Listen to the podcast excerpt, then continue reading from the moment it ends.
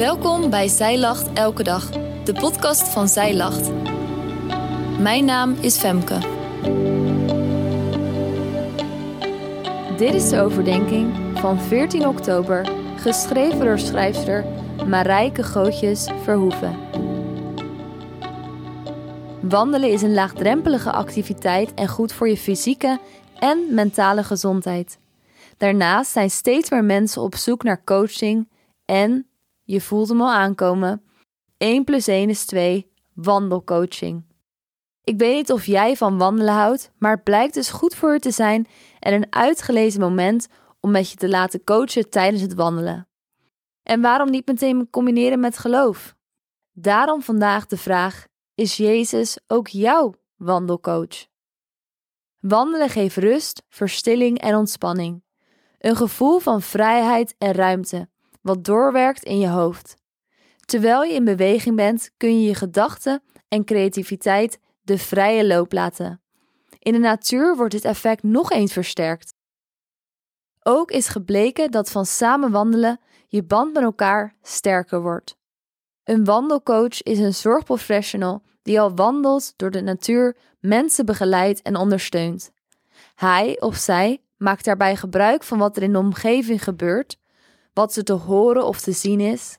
Juist de mix van wandelen en natuur maakt dat je meer open staat voor nieuwe inzichten die je ook beter kunt onthouden en toepassen. Jezus trok wandelend met zijn vrienden door het land. Natuurlijk was het in die tijd de gangbare manier om je te verplaatsen, maar het waren ook momenten dat Jezus zijn vrienden wees op wat ze onderweg tegenkwamen. Bijvoorbeeld een vijgenboom, korenaren, vogels, bloemen, gras. In Matthäus 6, vers 26 tot 27 staat: Kijk naar de vogels in de lucht. Ze zaaien niet en oogsten niet en vullen geen voorraadschuren. Is de hemelse Vader die ze voedt. Zijn jullie niet meer waard dan zij? Wie kan van jullie door zich zorgen te maken ook maar één dag aan zijn levensduur toevoegen? Of in Psalm 86, vers 11: Wijs mij uw weg, heren. Laat mij wandelen op de paden van uw waarheid. Vervul mijn hart met ontzag voor uw naam. En als laatste Galaten 5, vers 25.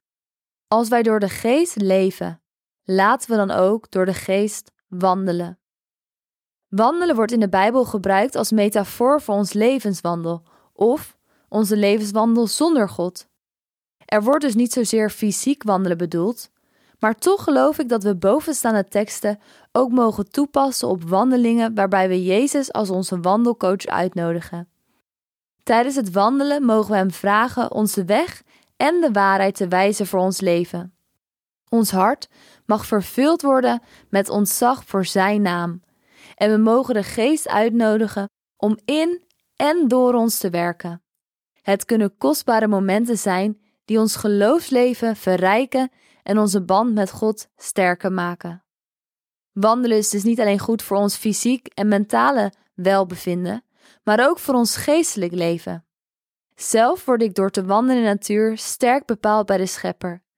De seizoenen leren mij dat er voor alles een tijd is.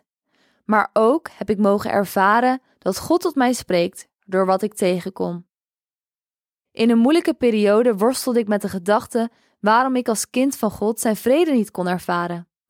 En terwijl ik buiten in de zon liep, voelde ik ineens druppels regen op mijn gezicht. Ik dacht, huh? Zon en regen horen toch niet bij elkaar? En toch was het er tegelijk. God liet mij zien dat ik niet vertwijfelde hoefde te raken door de onrust die ik ervoor, terwijl ik zijn kind was.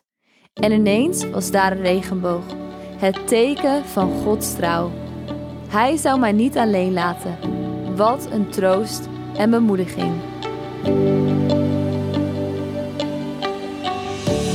Dankjewel dat jij hebt geluisterd naar de overdenking van vandaag.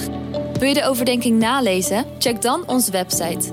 Je vindt er ook meer toffe dingen die jou helpen om de Bijbel vaker te openen, zoals boeken, Bijbels, cursussen en evenementen. Morgen ben ik weer bij je terug met een nieuwe overdenking. Tot dan!